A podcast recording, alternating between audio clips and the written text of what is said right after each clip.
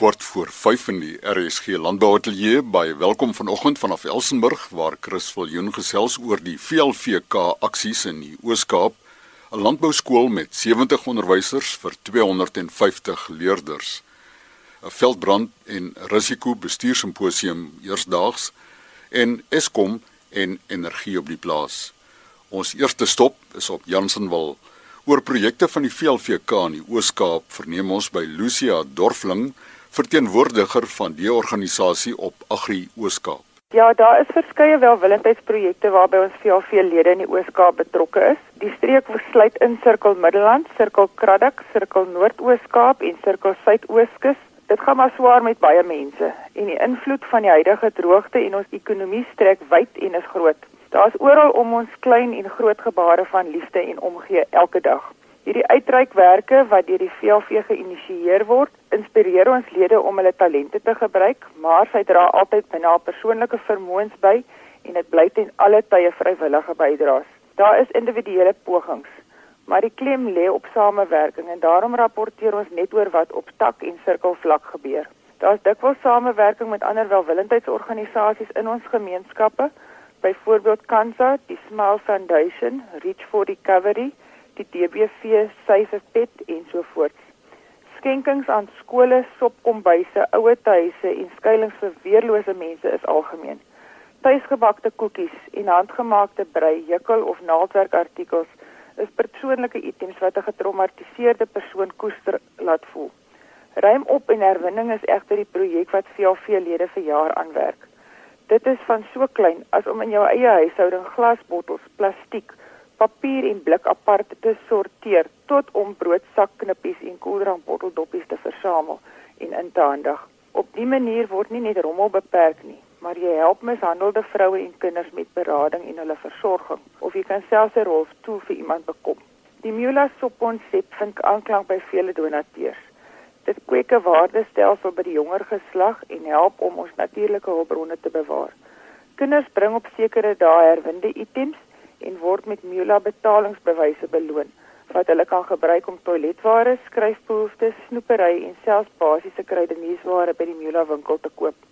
Elkeen is natuurlik uniek, maar uitenaag Colchester en selfs Yugi het al sulke winkels en lede maak gereeld deur hulle plaaslike takke skenkings hier.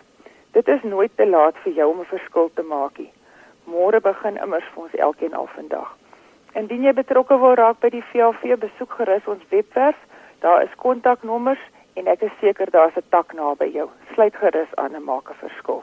Welkom om vir my 'n e-pos te stuur Chris info@marlu.co.za. Dis net info@m-a-r-l-u.co.za. Die verteenwoordiger van VLVK op Agri Ooskaap, Lucia Dorfling.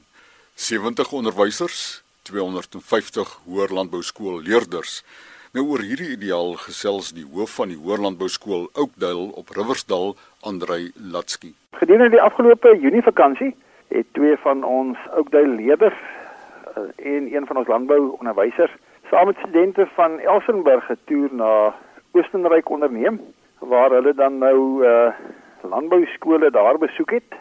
Hulle het spesifiek by een landbou skool uh, in Oostenryk gebly wat insiggewend was En wat hulle beïndruk het is die feit dat uh, die landbouskole is relatief klein, maar baie baie gewild sodanig dat daar gereeld nuwe landbouskole opgerig word. Hulle het 'n skool besoek met 250 leerders en 70 onderwysers.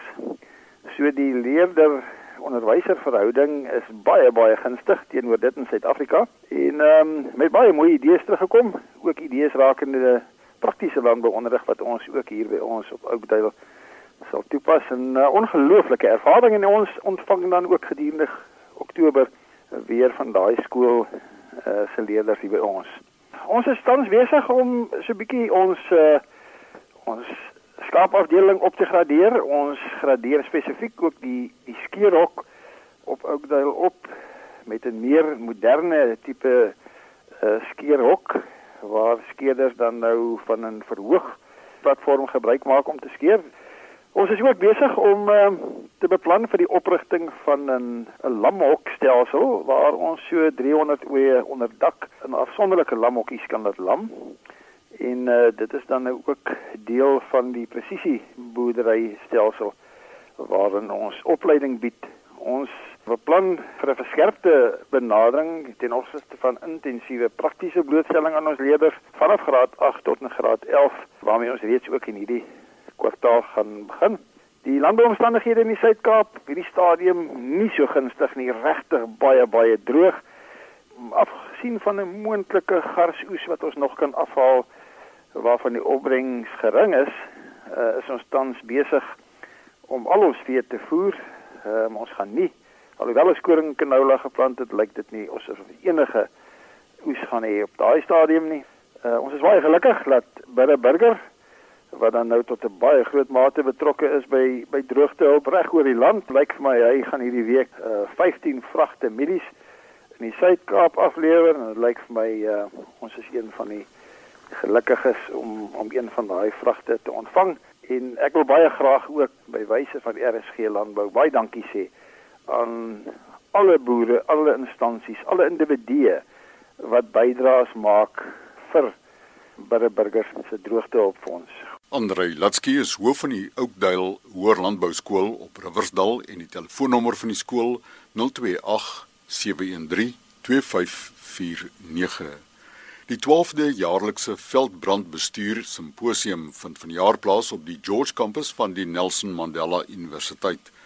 Tian Pool is die universiteit se programkoördineerder bosbou en veldbrandbestuur. Nou die gebeurtenis is geïnspireer deur die Junie 2017 vure wat hier by Nysna gebrand het wat aanleiding dan toe gegee het tot die tema van die simposium From Commitments to Action: Ecosystem Based Management for Effective Risk Reduction. Die uh, geleentheid wat hy 3 dae uit bestaan gaan 2 dae se aanbiedings insluit en dan die middelste dag gaan 'n veldbesoek aan Nysna waar die hele vuur wat plaasgevind het vir die gehoor uitgewys en verduidelik gaan word. Nou vir hierdie geleentheid het ons 20 spesialiste nasionaal en internasionaal in 'n ry geplaas en oor hierdie 2 dae gaan hulle vir ons vertel van al die tersaaklike goed rondom veldbrandbestuur en veral risikobestuur. Daar sal uit die aard van die saak aanvanklike oorsig gegee word oor die vuur en die aksies wat rondom die vuur plaasgevind het, risikobestuur, die evaluering, die beplanning en die bestuur daarvan, waterhulpbronne en die bestuur daarvan en die skaarsheid daarvan, oor gemeenskap betrokkenheid, die vrywilligers, veldbranddienste, impak van grond uh, eienaarskap, nou met al die grondeise wat daar is op toekomende vier risiko's meganisering van brandbestryd. Ons kyk na klimaatsverandering en die gepaardgaande geïntegreerde bestuursmoontlikhede rondom klimaatsverandering en brande.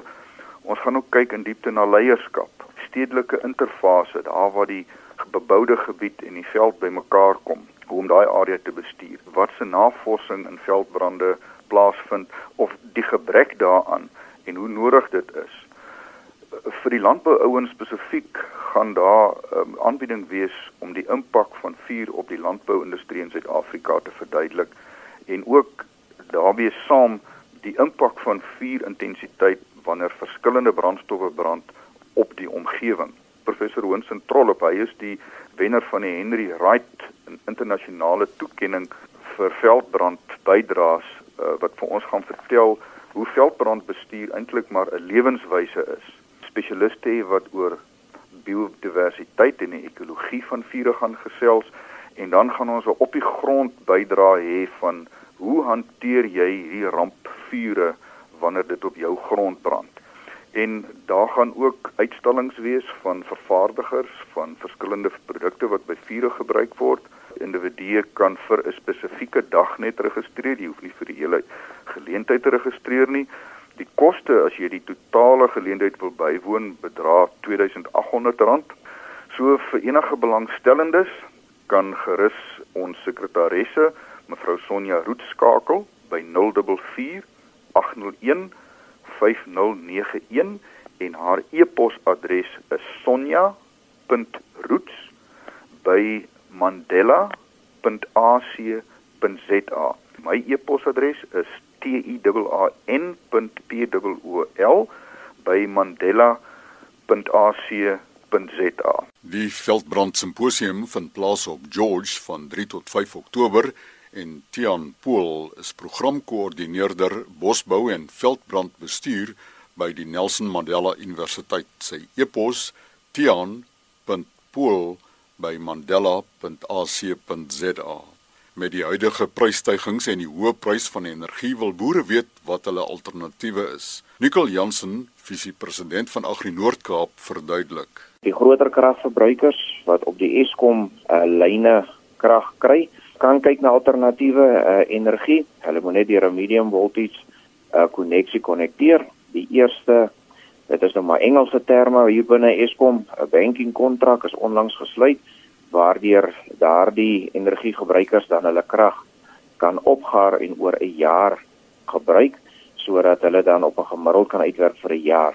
Die kleiner kragverbruikers waar hy koste te hoog is, maar moet bly by die low voltage of die gewone skakeling wat net belangrik is daar kan jy nie krag terugsit op die netwerk nie.